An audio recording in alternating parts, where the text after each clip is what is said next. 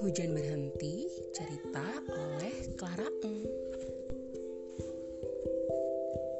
Hujan turun pada malam hari di peternakan Pak Gugun. Suara rintik hujan terdengar jelas di dalam kandang sapi.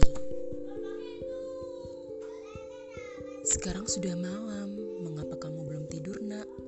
Tanya ibu sapi.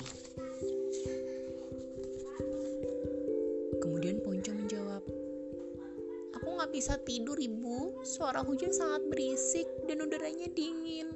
Kapan ya hujan berhenti? Ibu tidak tahu kapan hujan berhenti.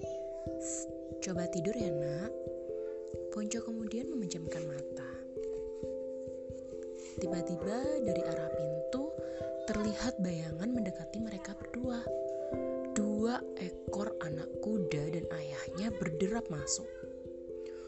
Bolehkah kami tidur di sini?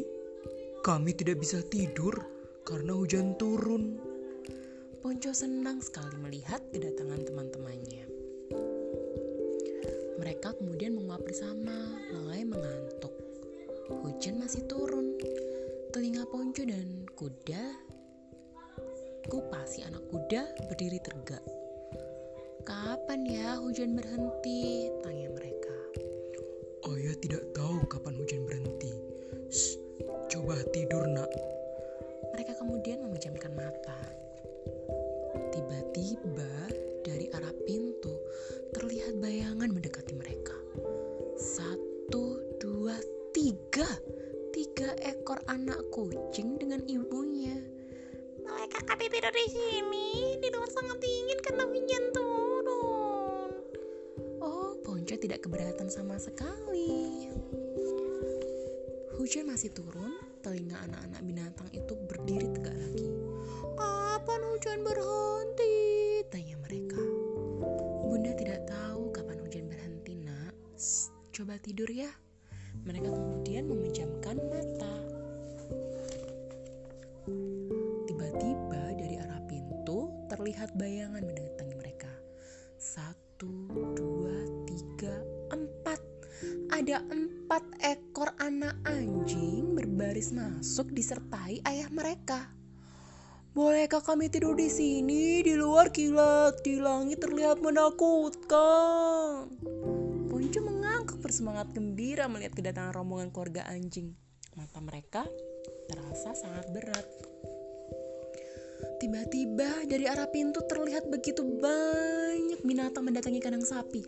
1, 2, 3, 4, 5, 6, 7, 8 depan, Ponco terus menghitung ada lima anak domba, enam anak ayam, dan tujuh anak itik.